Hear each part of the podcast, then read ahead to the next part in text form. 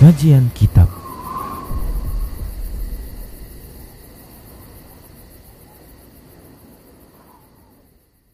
Bismillah, Assalamualaikum warahmatullahi wabarakatuh. Innal hamdalillah Nahmaduhu wa nasta'inuhu wa nastaghfiruh Wa na'udhu billahi min syururi anfusina Wa min sayyiati a'malina. Man yahdihillah fala mudhillalah Wa man yudlilhu fala hadiyalah وأشهد أن لا إله إلا الله وحده لا شريك له وأشهد أن محمدا عبده ورسوله صلى الله عليه وسلم. قال الله تبارك وتعالى يا أيها الذين آمنوا اتقوا الله حق تقاته ولا تموتن إلا وأنتم مسلمون. يا أيها الناس اتقوا ربكم الذي خلقكم من نفس واحدة وخلق منها زوجها وبث منهما رجالا كثيرا ونساء. واتقوا الله الذي تساءلون به والأرحام. إن الله كان عليكم رقيبا. يا أيها الذين آمنوا اتقوا الله وقولوا قولا سديدا. يصلح لكم أعمالكم ويغفر لكم ذنوبكم. ومن يطع الله ورسوله فقد فاز فوزا عظيما أما بعد فإن أصدق الحديث كتاب الله وخير الهدى هدى رسول الله صلى الله عليه وسلم وشر الأمور محدثاتها وكل محدثة بدعة وكل بدعة ضلالة وكل ضلالة في النار Para muslim, para hamba Allah rahimani wa rahimakumullah Alhamdulillah kita bersyukur kepada Allah Subhanahu wa taala atas semua nikmat yang Allah berikan selawat dan salam tak lupa kita ucapkan untuk nabi kita tercinta Muhammad sallallahu alaihi wasallam. Para muslim rahimani warahmatullah, para pemirsa Rosyad TV dan para pendengar radio Medan Mengaji di mana saja Anda berada, a'azzani Allah wa iyyakum jami'a. Kita masih membahas tentang pembatal-pembatal tauhid dan ini adalah bagian dari uh, rangkaian pembahasan akidah tauhid. Di antara pembatal tauhid adalah asyirkul akbar, kesyirikan dengan status syirik akbar. Dan di antara kesyirikan yang terjadi adalah terjadinya kesyirikan itu pada uluhiyah Allah Subhanahu wa taala yaitu hak ibadah kepada Allah Subhanahu wa taala. Dan kita masih juga menyebutkan tentang contoh-contoh dari doa ibadah yaitu hak ibadah yang ia merupakan e, doa kepada Allah Subhanahu wa taala secara hal yaitu kondisinya yang meminta kepada Allah Subhanahu wa taala agar diberi pahala dan dihindarkan dari siksa. Di antara bentuk kesyirikan di dalam doa ibadah ini adalah kesyirikan di dalam nadar, kesyirikan di dalam nadar. Baik para muslim rahimani wa rahimakumullah, nadar maknanya adalah ilzamu mukallafin mukhtarin nafsihi muhtari nafsihi ibadatan lillahi ta'ala ghaira wajibatin alaihi bi asli syar'i. Nazar itu adalah seorang hamba mukallaf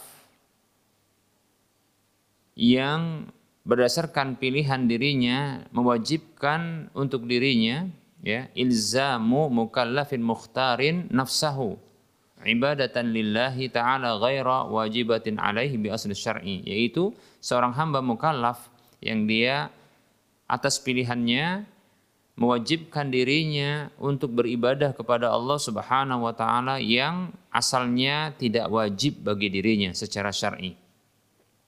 Demikian. Inilah makna dari nadar ya. Seperti seseorang mengatakan, ya, saya bernadar untuk Allah Subhanahu wa taala untuk melakukan hal ini atau saya punya tanggungan untuk Allah Subhanahu wa taala, ya, agar saya sholat, agar saya puasa, agar saya bersedekah, ya, memberi makan anak yatim dan seterusnya, ya.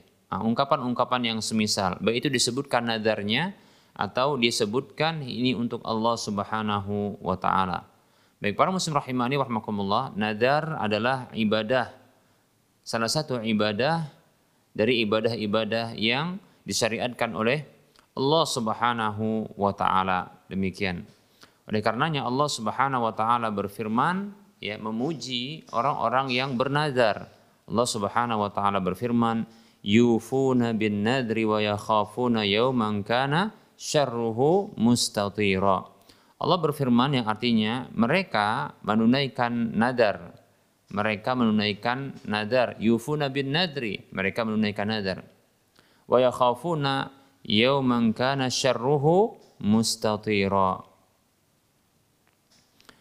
Dan mereka takut kepada satu hari yang keburukannya ketika itu menyebar. Ya, ini surah Al-Insan ayat 7 menunjukkan bahwasanya tidaklah Allah Subhanahu wa taala memuji satu perbuatan ya kecuali memang Allah Subhanahu wa taala menyukai perbuatan tersebut. Dan pada pertemuan yang terdahulu kita telah sebutkan di antara ya tanda bahwasanya Allah tanda itu adalah sebuah ibadah adalah Allah Subhanahu wa taala mencintainya dan memerintahkannya dan memujinya. Demikian para muslim rahimani wa rahimakumullah. Memuji pelakunya atau memuji perbuatan tersebut, ya. Baik para muslim rahimani wa rahimakumullah. Nah, apabila ya nazar ini yang ia merupakan ibadah ditujukan kepada selain Allah Subhanahu wa taala, maka jadilah ya Nadar tersebut adalah nadar kesyirikan dengan status syirik akbar. Contohnya seperti orang yang mengatakan ya, aku bernadar ya, aku bernadar untuk fulan, untuk syekh fulan ya, aku bernadar untuk syekh fulan, aku bernadar untuk guru fulan, aku bernadar untuk kiai fulan, demikian ya. Atau contohnya aku bernadar untuk kuburan fulan, seperti itu. Disebutkan ya tujuan nazar itu untuk selain Allah Subhanahu wa taala ya. Baik itu nazarnya dengan bersyarat atau nazarnya tidak bersyarat. Contohnya bersyarat adalah kalau aku sembuh dari penyakitku ya atau apabila uh, diterima ya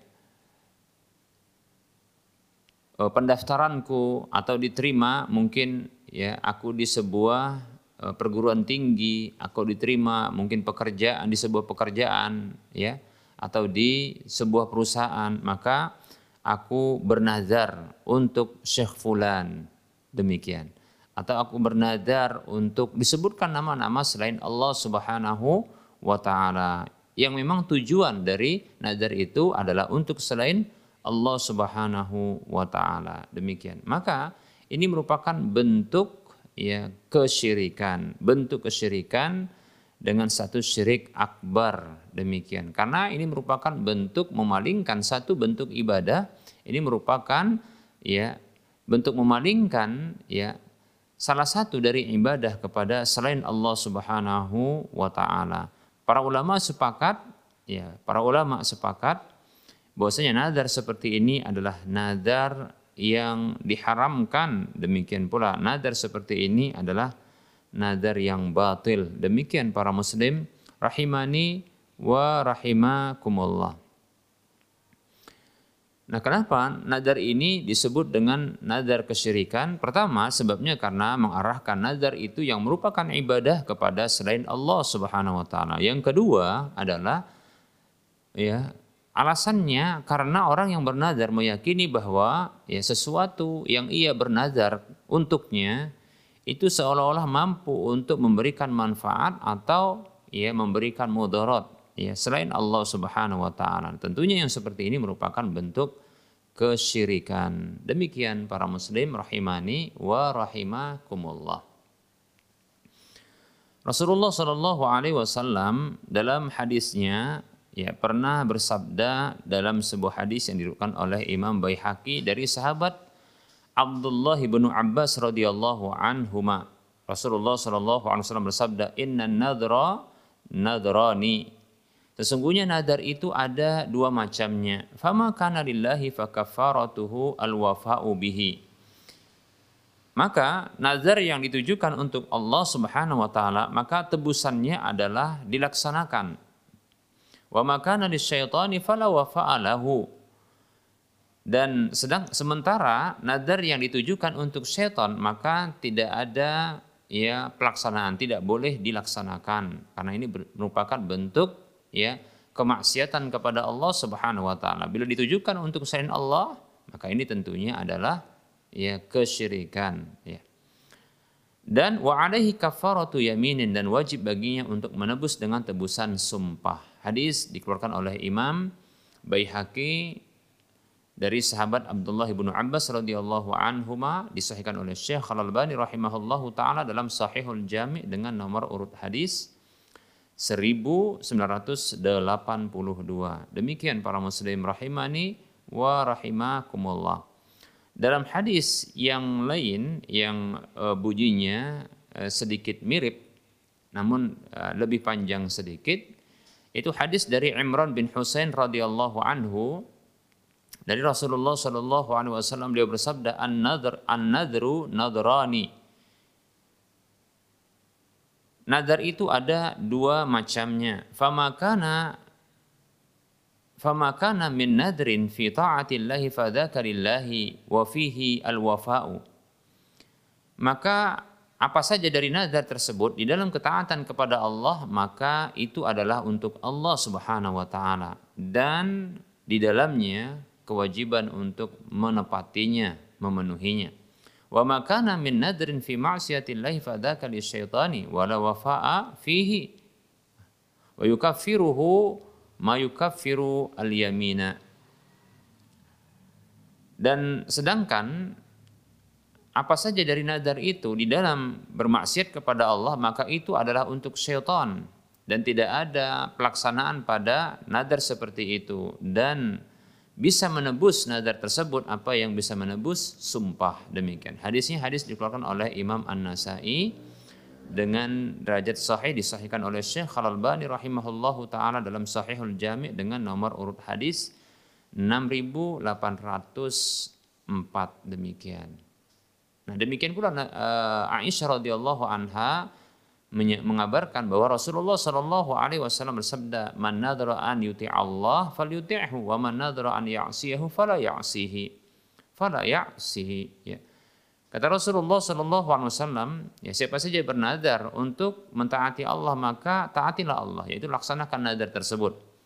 Dan siapa saja yang bernadar untuk bermaksiat kepada Allah maka jangan maksiati Allah, yaitu jangan tunaikan nadar tersebut. Demikian.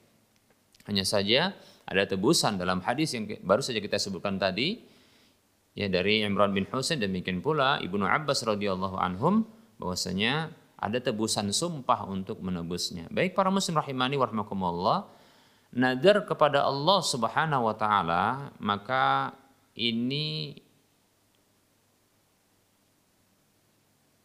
ada dua bentuknya para muslim rahimani warahmatullah. Nazar kepada Allah Subhanahu wa taala ini ada dua bentuknya, ya.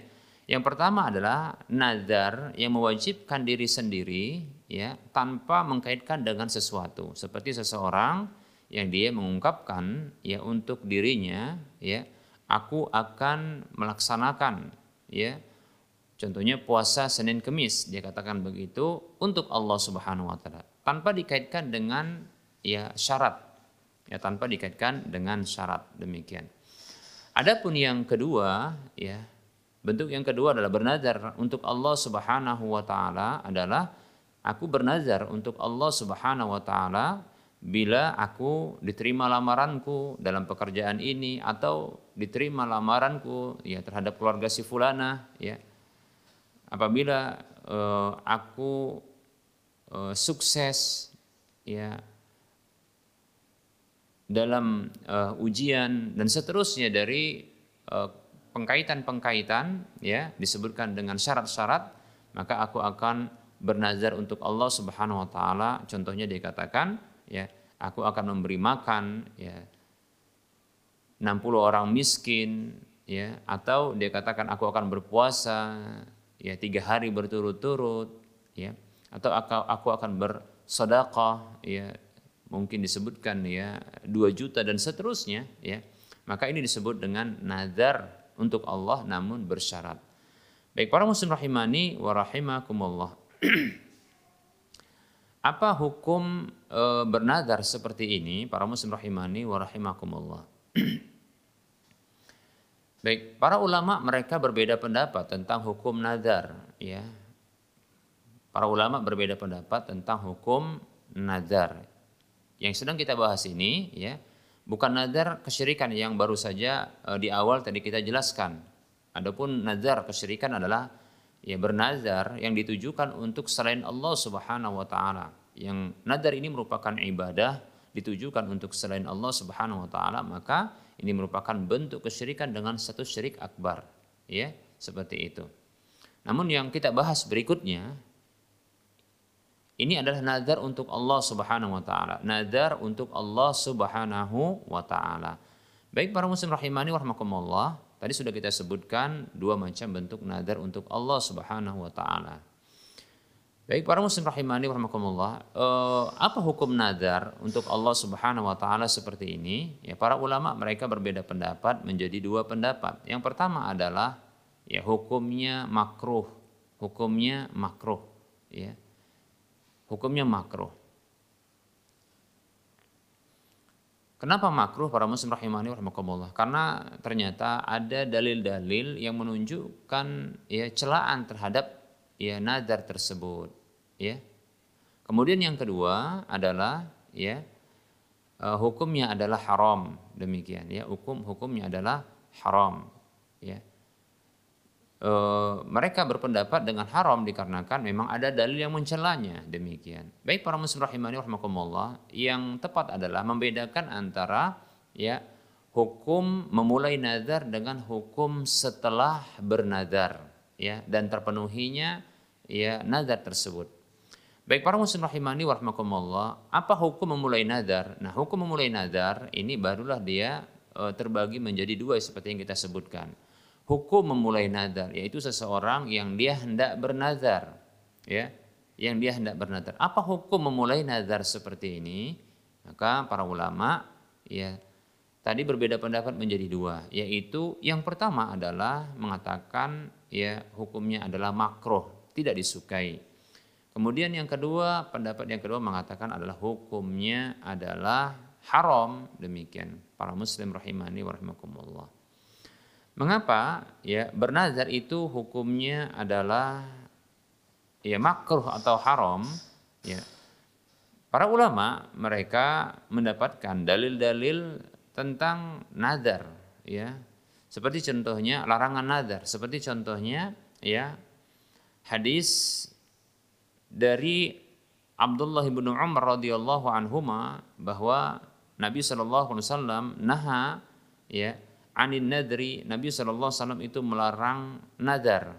Demikian. Ini hadis riwayat Bukhari, Muslim, Abu Daud, Nasai dan Ibnu Majah. Disahihkan oleh Syekh Al-Albani rahimahullahu taala dalam Sahihul Jami' dengan nomor urut hadis 6910 demikian ya.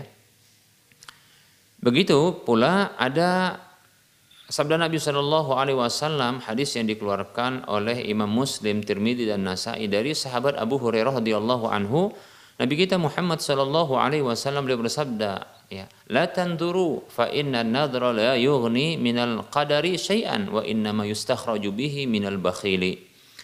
Kata Nabi Shallallahu Alaihi Wasallam janganlah kalian bernadar. Lihat ini larangan Nabi Shallallahu Alaihi Wasallam ya larangan Nabi Shallallahu Alaihi Wasallam. Nah tentunya larangan Nabi ya al aslu fin nahyi litahrim hukum asal larangan itu adalah haram demikian. Makanya ada sebagian ulama yang berpendapat bahwasanya hukum memulai nazar itu adalah haram ya. Bukan bukan hukum nazar secara umum, tapi hukum memulai nazarnya yang dia adalah haram. Baik ya. Jadi e, harus dibedakan antara hukum memulai nazar dengan hukum setelah bernazar ya. Hukum memulai nazar ini dibedakan dengan hukum setelah bernazar dan terpenuhi nazar seperti itu ya. Baik para muslim rahimani warahmatullah. Hukum memulai nazar tadi kita katakan ada sebagian ulama yang mengatakan haram dan mengatakan makruh. Apa alasannya? Kita sebutkan ada dalil yang melarangnya. Sementara hukum asal larangan tersebut ya adalah haram. Ya, hukum asal larangan adalah haram. As, al aslu fin nahyi tahrim. Hukum asal larangan itu adalah haram, ya. Kata Nabi SAW, La tanduru, jangan kalian melakukan nazar. Lihat, dilarang oleh Nabi SAW. Demikian. Ya. Nah lebih-lebih sebagian orang yang melakukan nazar ini, mereka berkeyakinan bahwasanya nazar ini memiliki pengaruh yang besar terhadap kebaikan yang diinginkan atau keburukan yang dikhawatirkan. Demikian. ya Seperti itu. Padahal Nabi SAW setelah melarang nazar seperti ini, yaitu e, bernadar, melarang bernadar, Rasulullah menyebutkan fa inna nadra la yughni minal qadari sesungguhnya nadar itu tidaklah memberikan pengaruh sedikit pun kepada takdir. Demikian ya. Jadi nadar itu tidaklah memberikan pengaruh sedikit pun kepada takdir ya. Jadi sebagian orang ini mindsetnya pola pikirnya ya itu di dirubah ya bahwasanya nadar yang kita lakukan kepada Allah Subhanahu wa taala ya itu tidaklah memberikan pengaruh sedikit pun kepada takdir yang akan terjadi bagi kita. Sesuatu yang kita inginkan bukanlah semakin cepat dengan adanya nadar. Dan sesuatu yang kita khawatirkan bukanlah semakin jauh ya dari takdir kita. Tidak, ya. Jadi nadar itu tidaklah memberikan pengaruh sedikit pun kepada takdir kata Nabi sallallahu alaihi wasallam. Ya.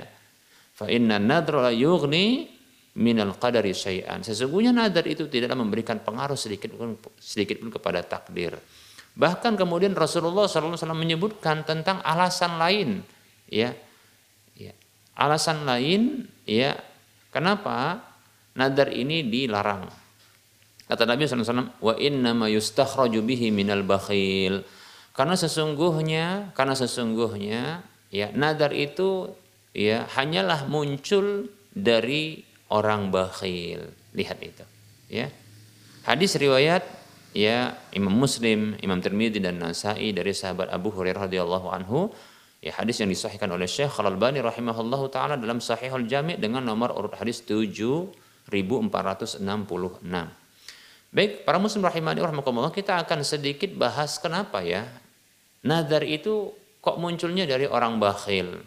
Berarti orang yang bernadar itu bakhil. Ya tentu kita katakan ya tentu karena Nabi yang mengatakan demikian. Ya, tentunya maksud dari nadar yang bakhil ini yang munculnya dari orang bakhil adalah nadar yang bersyarat. Nadar yang bersyarat seperti dia katakan ya ya aku apabila aku lulus ujian atau apabila aku diterima lamaran kerja, lamaran menikah ya atau apabila aku sembuh dari penyakit ya. Atau orang tuaku sembuh dari penyakit ya. Atau siapa saja ya yang dia sebutkan syarat-syaratnya atau apa saja syarat-syarat yang disebutkan ya maka aku akan melakukan ya puasa contohnya tiga hari atau puasa Senin Kemis dalam sebulan contohnya. Atau aku akan memberi makan orang miskin orang anak yatim ya atau aku akan berinfak ya sekian bersedekah sekian demikian. Nah, seperti ini para muslim rahimani warahmatullah. Nadar yang bersyarat seperti ini ini sesungguhnya bentuk kebakhilan. Mengapa dikatakan kebakhilan para muslim rahimani warahmatullah? Karena dia tidak akan mau melakukan kebaikan-kebaikan seperti memberi makan orang miskin, ya, kemudian sholat malam, atau berpuasa atau kebaikan-kebaikan yang lain. Dia tidak akan mau melakukan kebaikan kecuali dia diberikan kebaikan. Seperti itu. Nah, ini orang bakhil, orang pelit. Ya, orang pelit tidak mau ya, tidak mau melakukan sesuatu kebaikan kecuali bila dia diberikan kebaikan. Itu bakhil para muslim rahimani wa rahimakumullah. Padahal kebaikan yang bila dia lakukan itu kembali kepada dirinya. Seperti kalau dia puasa, kalau dia bersedekah, kalau dia sholat malam atau kebaikan-kebaikan yang lain, itu kebaikannya kembali kepada dirinya. Ya, sesungguhnya kembali kepada dirinya. Karena sesungguhnya kebaikan itu akan mendapatkan pahala sepuluh yang semisalnya e, minimalnya. Ya, innal hasan inna uh, innal hasanata bi ashri amsalihah. Sesungguhnya kebaikan itu semisal yang sepuluhnya.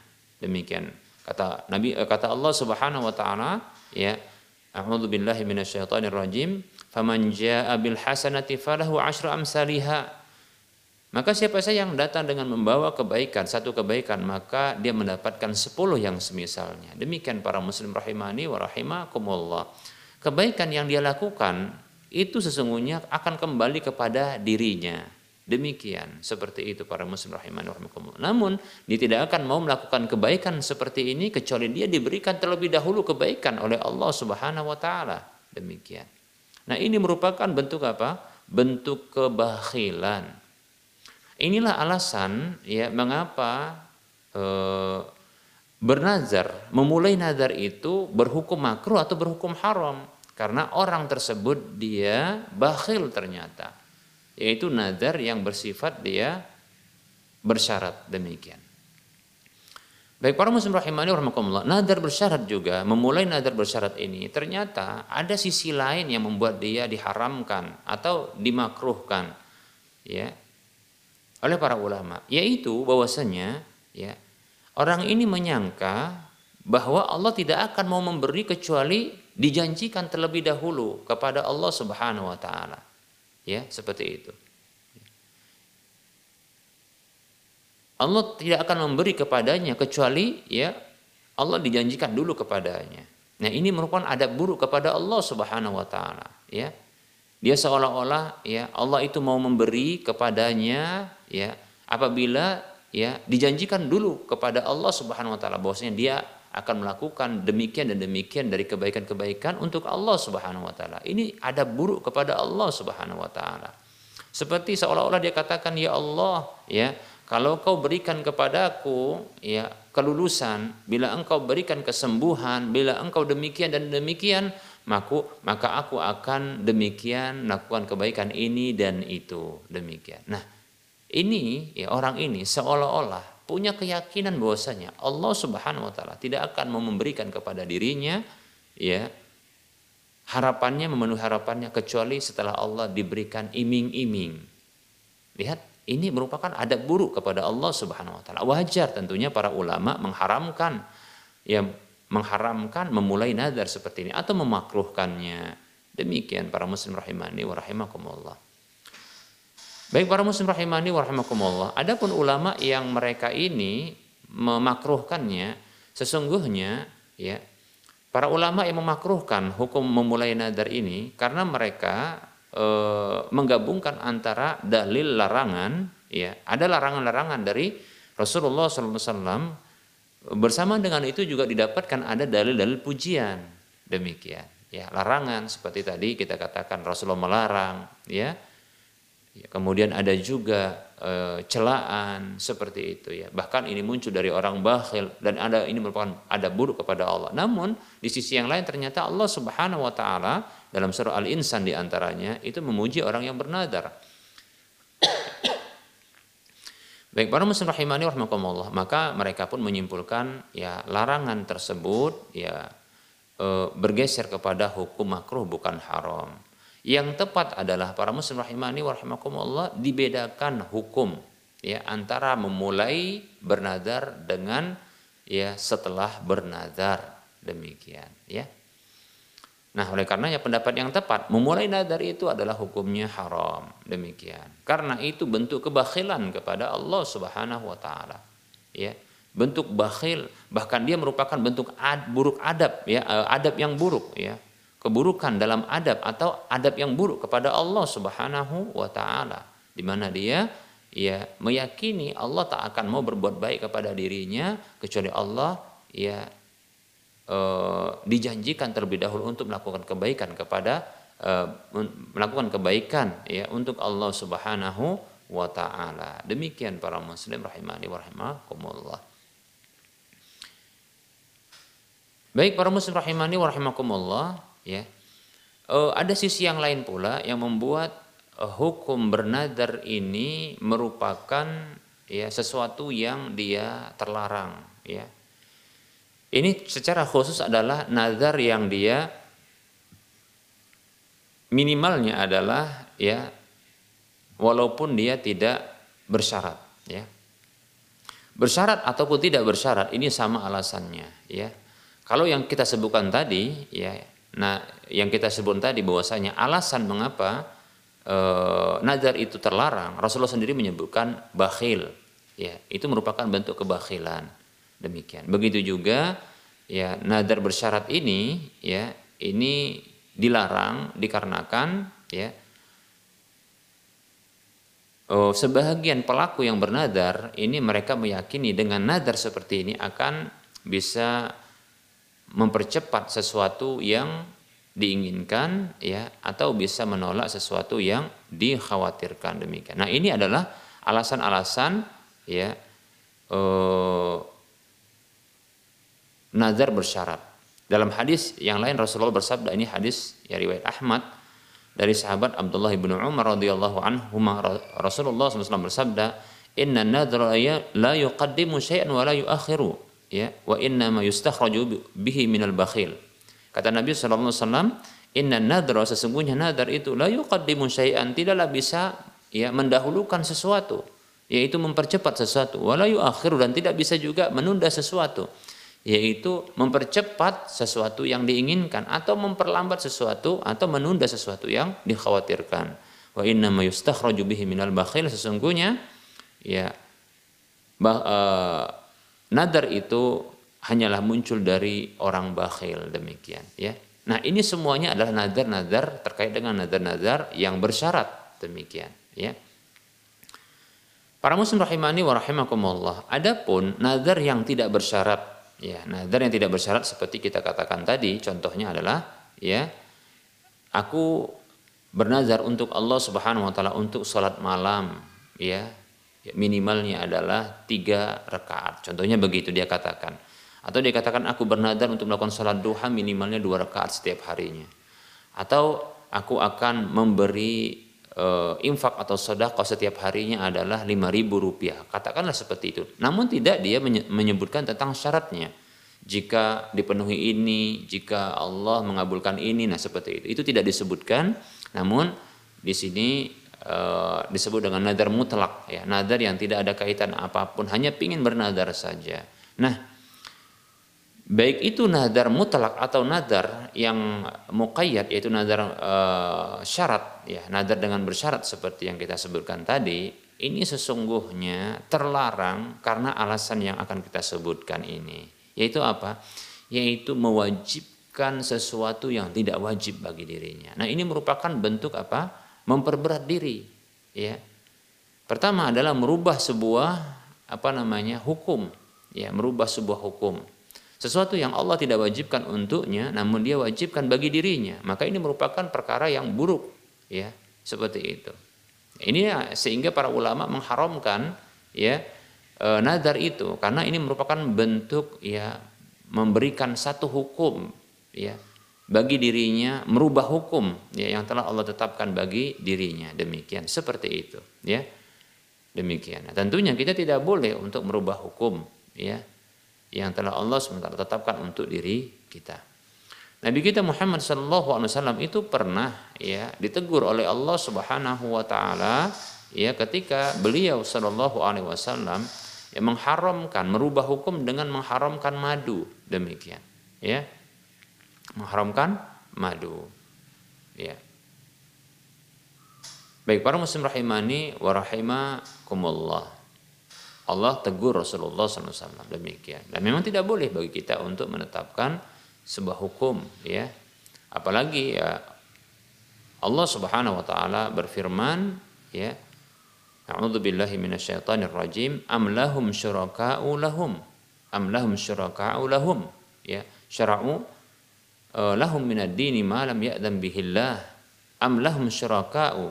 Apakah mereka memiliki sekutu-sekutu? Syara'u lahum yang mensyariatkan untuk mereka minad dini dari agama ini malam ya'dam bihillah sesuatu yang tidak Allah Subhanahu wa taala izinkan demikian. Nah, sesuatu yang tidak wajib kemudian diwajibkan. Nah, ini merupakan bentuk apa? Bentuk ya merubah hukum, membuat syariat demikian, ya.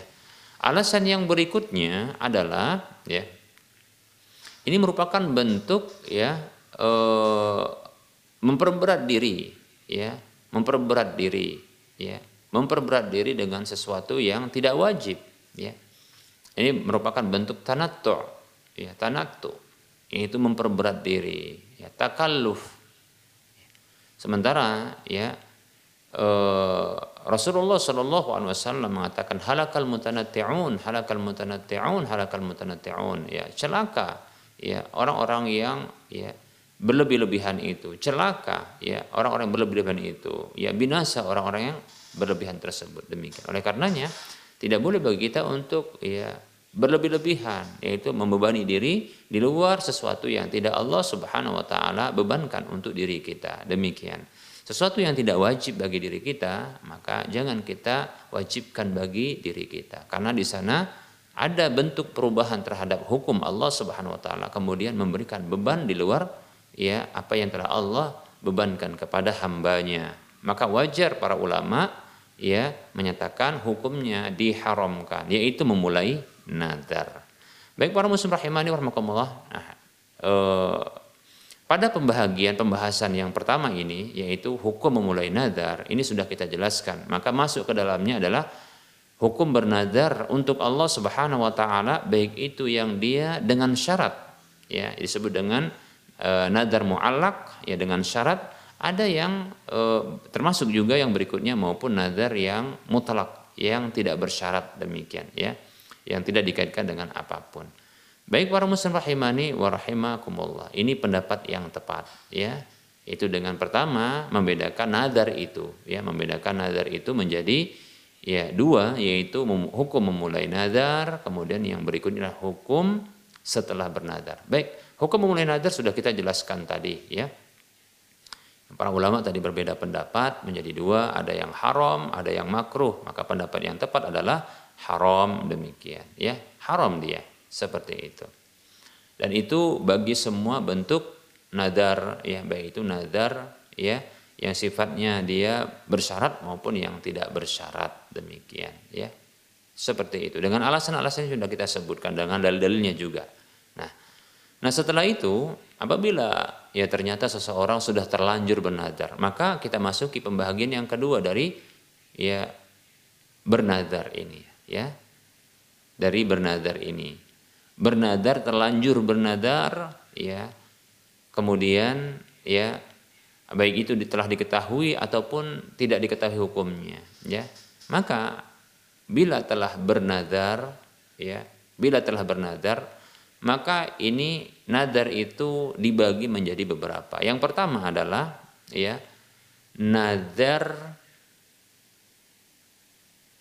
untuk Allah Subhanahu wa taala. Kalau nadarnya untuk Allah Subhanahu wa taala sudah terlanjur bernadar, ya. Kemudian nadar tersebut ternyata dia bersyarat, ya. Terpenuhi pula lah syaratnya. Ya, seperti itu. Contohnya ya dia katakan ya di awal dia memulai nadar ya apabila aku diterima lamaran kerja maka aku akan memberi makan 60 orang miskin atau yang semisalnya. Ternyata ya dia diterima kerja. Maka apa hukum bagi dia untuk memulai nadar? Oh, untuk uh, uh, setelah dia bernadar seperti ini, setelah uh, terpenuhi ternyata apa yang dia syaratkan, maka wajib ya wajib bagi dirinya untuk memenuhi nadar tersebut. Ya. Perlu kita ketahui dan perlu kita tegaskan bahwasanya ya syarat yang dia sebutkan dalam nadarnya itu ya ketika disebutkan contohnya tadi ya apabila ya diterima lamaran kerjaku maka aku akan memberi makan 60 orang miskin. Bukan nadar itu yang dia menyebabkan dia diterima ya pekerjaan tersebut. Tapi memang ditakdirkan oleh Allah dia diterima pekerjaan tersebut ya. Itu takdir Allah Subhanahu wa taala. Kata Nabi tadi sallallahu alaihi wasallam, karena Rasulullah bersabda, fa innan nadra la yughni minal qadari syai'an. Sesungguhnya nadar itu tidaklah memberikan pengaruh sedikit pun kepada takdir demikian ya. Baik, terpenuhi ya apa yang uh, dinadarkan tersebut, maka wajib baginya pula untuk memenuhi syaratnya ya, yaitu pemenuhan terhadap nadar itu wajib ya. Berdasarkan hadis yang di awal-awal tadi kita sebutkan ya, Aisyah radhiyallahu anha mengatakan Rasulullah shallallahu alaihi wasallam bersabda, "Man nadhara an yuti Allah falyuti'hu." siapa saja yang bernadar untuk melakukan ketaatan maka hendaklah dia lakukan ketaatan itu. Demikian. Maka wajib bagi dirinya untuk memenuhi nazar wajib bagi dirinya untuk memenuhi nazar tersebut. Wajib ya. Yang kedua demikian pula nazar yang dia bersifat uh, mutlak yang tidak ada kaitan syaratnya apabila telah terlanjur dia bernadar ya maka wajib bagi dirinya pula untuk melakukan nazar tersebut ya melakukan nazar tersebut ya seperti dia katakan, ya, aku akan ya, aku bernazar kepada Allah ya untuk melakukan solat. Contohnya dikatakan solat eh, malam tiga rakaat. Dia katakan seperti itu. Maka yang seperti ini sudah terlanjur dia sebutkan. Maka ketika itu wajib bagi dirinya untuk melakukannya. Demikian, ya. Seperti itu. Baik para muslim rahimani wa rahimakumullah. Ya. Adapun ya bila nadarnya berupa kemaksiatan kepada Allah Subhanahu wa taala, nadarnya merupakan kemaksiatan kepada Allah Subhanahu wa taala ya maka tidak boleh bagi dia untuk ya untuk me, memenuhinya baik itu adalah nadar yang bersifat mutlak ataupun yang bersifat ya muqayyad yaitu baik itu bersyarat ataupun tidak bersyarat ya maka haram baginya untuk memenuhi nadar. Atau contohnya dikatakan seperti ini, ya aku bernadar kepada Allah ya untuk membunuh orang ini demikian. Seperti itu. Karena mungkin contohnya ya dia eh, berbuat buruk kepada keluarganya. Orang yang yang dinadarkan untuk dibunuh tersebut adalah orang yang telah berbuat buruk kepada keluarganya. Lalu dia katakan, aku bernadar kepada Allah untuk membunuh orang ini. Demikian. Nah tentunya tidak setimpal eh, tindakan keburukan yang dilakukannya itu dengan hilang nyawa. Seperti itu. Ya. Contohnya hanya sekedar mungkin sang laki-laki yang diancam bunuh tadi, ya, atau yang diinginkan untuk dibunuh, dinadarkan untuk dibunuh, ini hanya contohnya, ya, melecehkan kehormatan salah satu dari keluarganya. Namun ini ternyata dinadarkan untuk dibunuh, maka ini tidak benar. Ini merupakan kemaksiatan demikian. Maka ya tidak boleh untuk ditunaikan, haram untuk ditunaikan. Ini nadar yang bersifat ya mutlak. Nah, kalau nadar yang bersifat uh, muallak yang ada pensyaratannya tapi ini merupakan maksiat. Contoh kita sebutkan adalah ya Bila contohnya katakan ini, bila eh, aku diterima, contohnya, bila aku diterima eh, lamaran, lamaranku, ya, seperti itu, aku bernazar untuk ya minum, ya, contohnya minuman keras, dia katakan seperti itu. Bila aku diterima lamaran, ya lamaran pernikahanku maka aku akan menghabiskan contohnya satu botol whisky dia katakan seperti itu ya. Nadar seperti itu. Maka nadar ini nadar kemaksiatan kepada Allah. Sama baik itu syarat bersyarat nadarnya ataupun tidak bersyarat bila nadarnya adalah kemaksiatan kepada Allah maka kata Rasulullah SAW waman nadara an ya'siyahu fala ya'sihi. Ya siapa saja yang bernazar ya bernazar untuk bermaksiat kepada Allah maka ya tidak ya maka janganlah Allah Subhanahu wa taala dimaksiati ya. Tadi sudah kita sebutkan ya eh, Rasulullah Shallallahu alaihi wasallam bersabda ya wa ma kana min nadrin fi ma'siyatillahi fadaka lisyaitani fala wafa'a fihi ya wa yukaffiruhum ma yukaffirul yamin.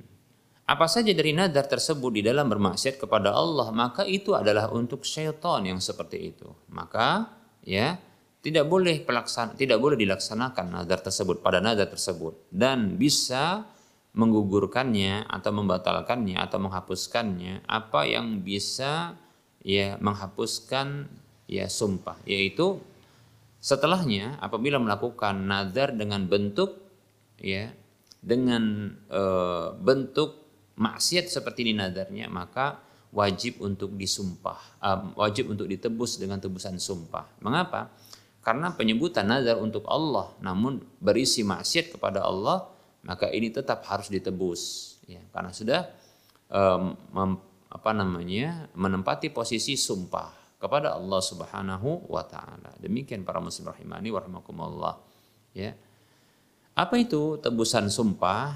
Ya, apa itu tebusan sumpah? Tebusan sumpah adalah ya e, memberi makan 10 orang miskin ya atau ya memberi e, memberi pakaian 10 orang miskin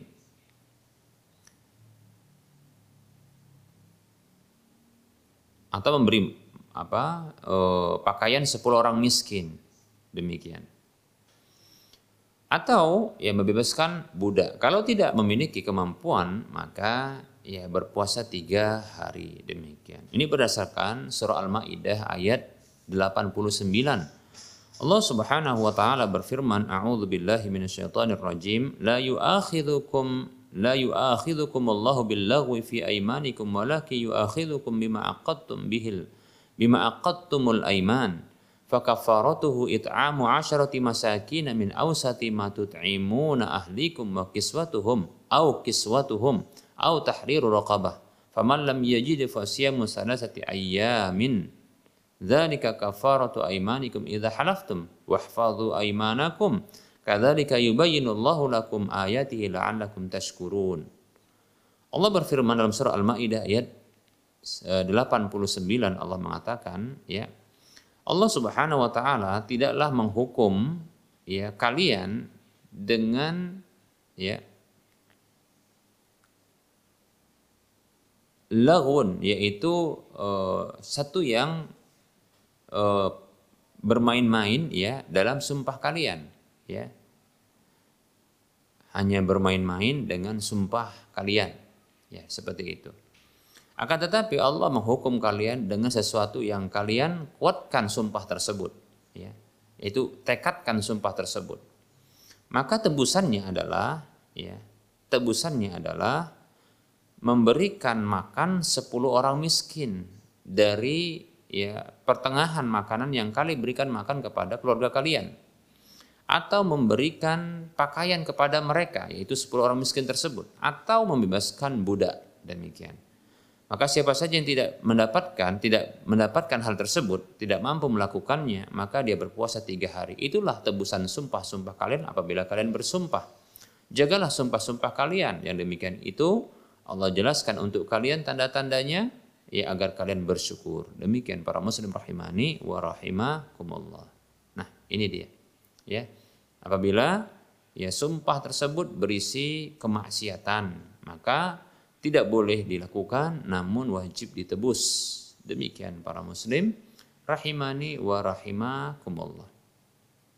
Nah, ini bila sumpahnya e, ditujukan untuk Allah Subhanahu wa taala. Namun yang menjadi pembahasan kita sesungguhnya dalam pembahasan akidah tauhid adalah ya sumpah yang dia bersifat syirik ya. Sumpah yang dia bersifat syirik yang ia merupakan ya pembatal tauhid atau ya e, terancam orang yang melakukan ya e, nadar. Kita ulangi ya kita ulangi pembahasan kita di sini adalah nadar ya nadar yang dia bersifat syirik ya apabila nadar ini ya ditujukan untuk selain Allah Subhanahu wa taala, maka nadar seperti ini para muslim rahimani rahimakumullah menjadi nadar kesyirikan, ya, nadar kesyirikan. Demikian. Baik, jadi yang menjadi pembahasan kita pada pertemuan e, kali ini terkait dengan ibadah nadar yang ditujukan kepada selain Allah Subhanahu wa taala. Itu nadar kesyirikan, nadar kesyirikan. Seperti itu. Adapun e, tambahan yang kita sebutkan yang lumayan panjang penjelasannya itu adalah nadar yang ditujukan untuk Allah Subhanahu wa taala namun ada e, penjelasan beserta dengan pembagian-pembagiannya. Demikian ya. Semoga bermanfaat apa yang kita jelaskan. Kita cukupkan untuk penyampaian materinya. Kita lanjutkan dengan sesi soal jawab.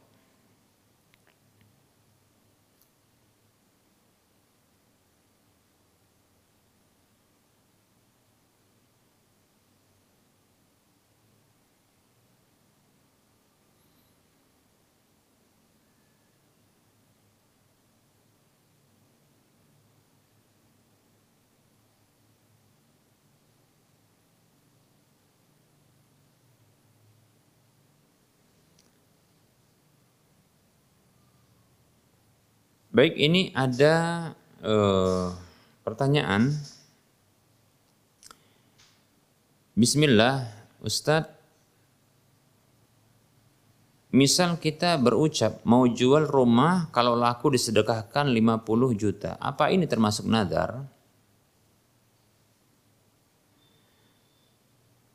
Baik, bila ini diucapkan dan didengarkan ya eh, oleh orang yang di sekitar tentunya ini menjadi saksi orang tersebut ya.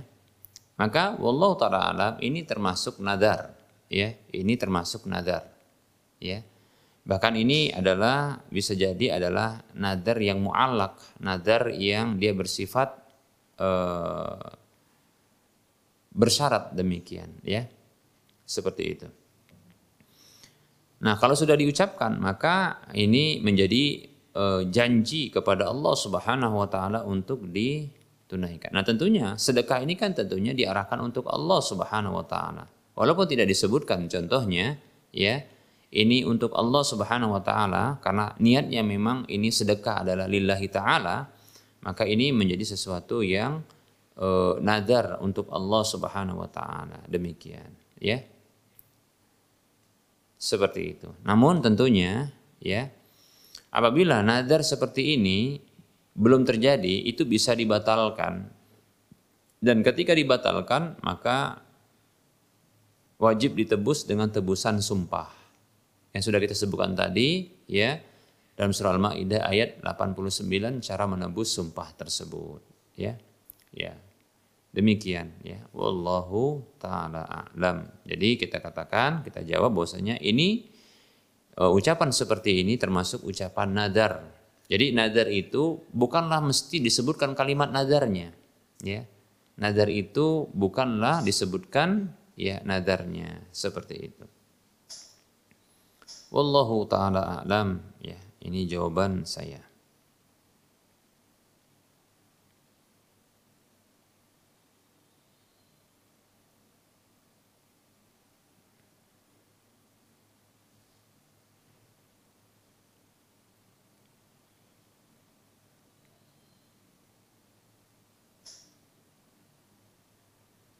Baik, silahkan bagi uh, para pemirsa dan pendengar sekalian untuk bertanya, mengajukan pertanyaan ini lewat tulisan ya, silahkan ya.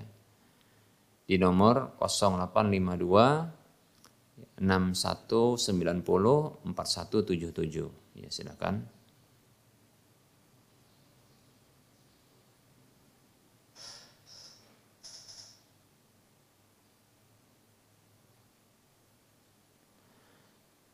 Baik, ada pertanyaan apa tebusan sumpah? Tebusan sumpah ya e, tebusan nadar. Jadi begini, apabila kita bernadar namun nadar tersebut e, adalah nadar yang e, ditujukan untuk Allah Subhanahu wa taala dan nadar tersebut yang dia terkait dengan e, syarat yaitu nadar muallak disebut dengan nadar muallak ya yaitu dengan penyebutan syarat dan belum terjadi ya maka ini boleh untuk dibatalkan. Maka ini boleh untuk dibatalkan.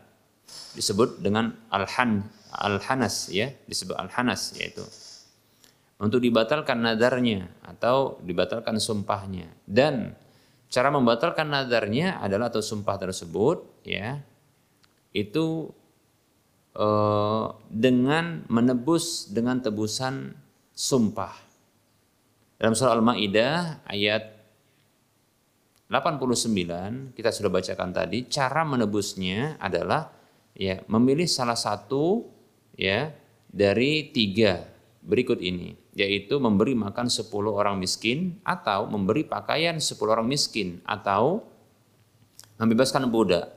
Pilihan yang ketiga ini tentunya dia apa namanya eh, tidak ada di zaman ini ya Sebagian ulama yang lain mengatakan ini tidak pilihan, tapi dia berurutan, ya dengan bentuk urutan. Tapi tidak masalah, silahkan. Sepertinya pun yang paling mudah, kalaupun dia berurutan, maka yang pertama itu yang paling mudah karena memberikan makan 10 orang miskin itu lebih mudah ketimbang memberikan ya, pakaian 10 orang miskin demikian. Kalaupun seandainya dia eh, tidak berurutan tapi pilihan tentunya orang akan memilih yang yang paling mudah.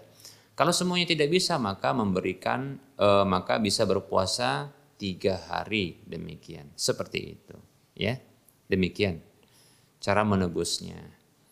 Nah, ini sebagai bentuk pencerahan kepada kita semua ya. Nah, makanya jangan bermudah-mudah kita bernadar demikian ya. Jangan bermudah-mudah kita ber bernadar walaupun untuk Allah Subhanahu wa taala ya. Seperti itu. Uh, ini sedikit tips dari saya. Ya, mungkin sebagian kita ini kan ingin sebenarnya untuk uh, apa yang kita inginkan itu dengan nadar itu segera didapatkan, kan begitu, ya. Maka caranya adalah lakukan kebaikan itu, ya. Lakukan kebaikan tersebut itu itu terlebih dahulu. Seperti contohnya kita banyak berinfak. Sesuatu yang kita persyaratkan tadi itu tidak perlu kita syaratkan, cukup kita lakukan kebaikan saja seperti contohnya adalah apa yang mau kita lakukan.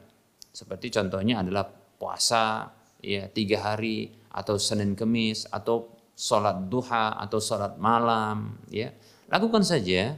Kemudian setelah melakukan kebaikan-kebaikan ini yang ikhlas karena Allah maka baru berdoa kepada Allah. Ini namanya bertawasul dengan amal soleh. Ya Allah jikalau engkau memang benar-benar mengetahui bahwa niatku adalah benar dan ya ikhlas karenamu dengan amal soleh ini kepadamu maka ya seperti dia katakan contohnya ya kabulkanlah keinginanku atau begitu dia katakan ya jadikan aku diterima di perusahaan ini ya lamaranku diterima ya dalam pernikahan dan seterusnya. Nah begitu. Jadi tawasul ya dengan amal soleh. Nah seperti itu itu dibolehkan. Jadi ya lakukan dulu amal-amal solehnya baru berdoa dengan cara seperti itu. Bukan menjanjikan kepada Allah untuk melakukan amal-amal soleh jika Allah subhanahu wa ta'ala memenuhi apa yang dia persyaratkan.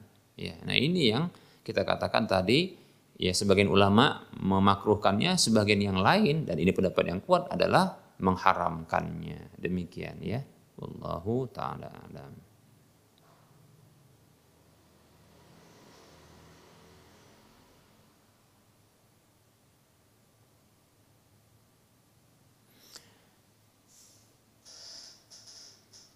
Baik, ada pertanyaan ini. Uh, Assalamualaikum warahmatullahi wabarakatuh. Ustadz Abu Alia, saya Ibu Mutia dari Banda Aceh. Barakallahu fiqh, Bu. Ya, ingin bertanya cara menebus puasa tiga hari tersebut harus berturut-turut?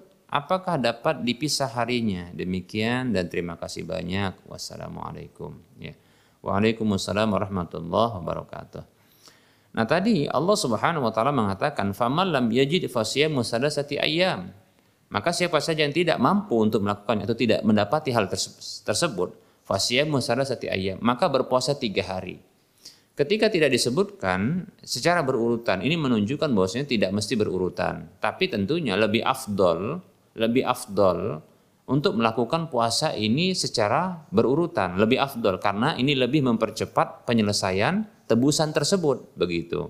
Tapi bukan merupakan syarat, ya ini pendapat yang Allah taala alam kuat ya, yaitu bahwasanya ini bukan persyaratan ya untuk dilakukan secara berurutan namun ini uh, hanyalah keafdolan. Jadi afdol kalau dilakukan dengan cara berurutan. Mengapa alasannya ini afdol?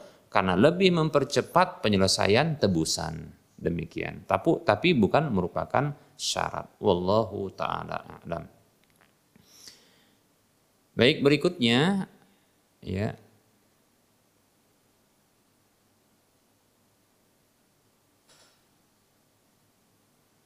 Assalamualaikum Ustaz, Waalaikumsalam warahmatullahi wabarakatuh. Saya mau bertanya, selama ini saya mencari uang dengan hasil riba. Sekarang saya sudah taubat, alhamdulillah.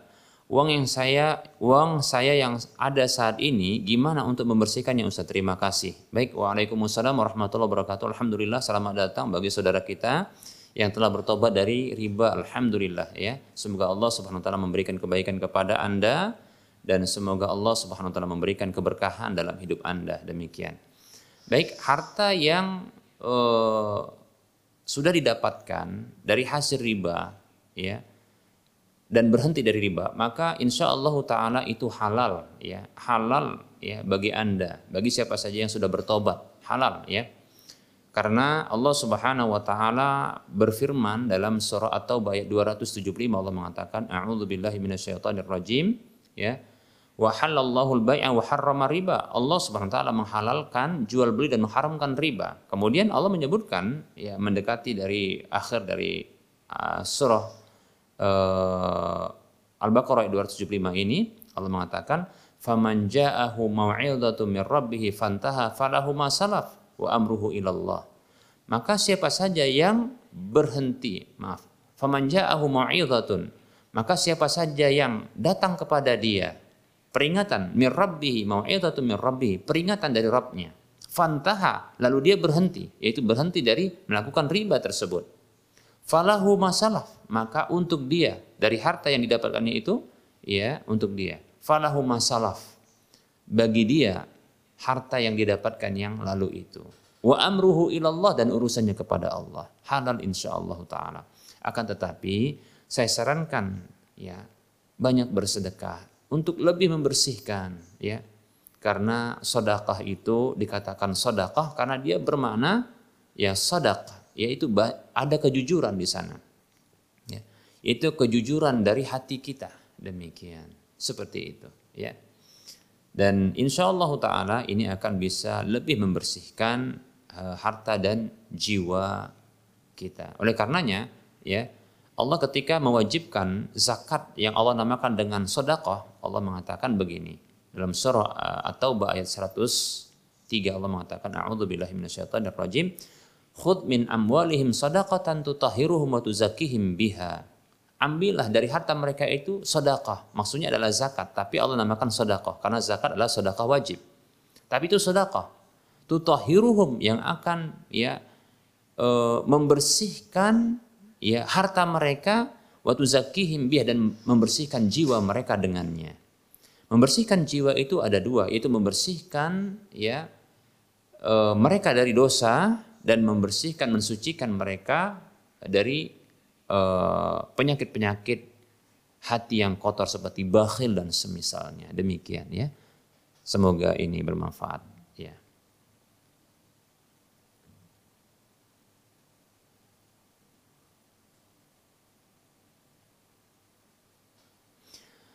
Ada pertanyaan, Assalamualaikum Ustaz. Waalaikumsalam warahmatullahi wabarakatuh. Izin bertanya, apakah meniatkan sesuatu amal kebaikan dalam hati dan belum diucapkan juga uh, termasuk nadar? Jazakallahu khairah.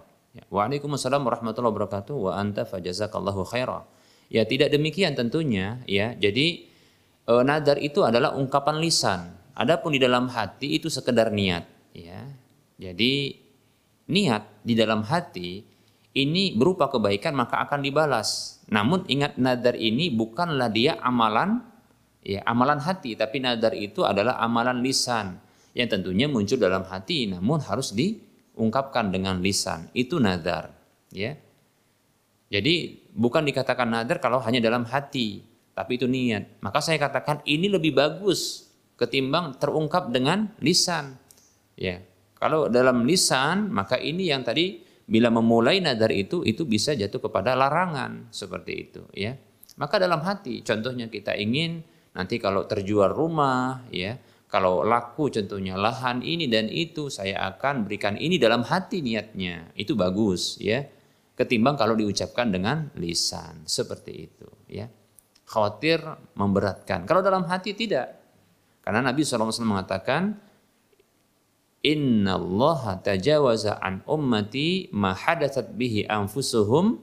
Ya malam uh, tatakallam oh ya wa ta'mal bih. Atau kama qala sallallahu alaihi wasallam. Kata Nabi sallallahu alaihi wasallam ya sesungguhnya Allah Subhanahu wa taala memaafkan dari umatku ini sesuatu yang dibicarakan ya dalam hati mereka selama belum diucapkan dan selama belum dilakukan. Jadi dimaafkan seperti itu ya dimaafkan. Demikian ya. Jadi mudah-mudahan bermanfaat apa yang kita bisa sampaikan ini. Mohon maaf atas segala kekurangan. Wassalamualaikum ala Muhammad ya wa ala alihi wa ashabihi ajma'in. Subhanakallahumma wa bihamdika asyhadu an la ilaha illa anta astaghfiruka wa atubu ilaika walhamdulillahi rabbil alamin. Assalamualaikum warahmatullahi wabarakatuh.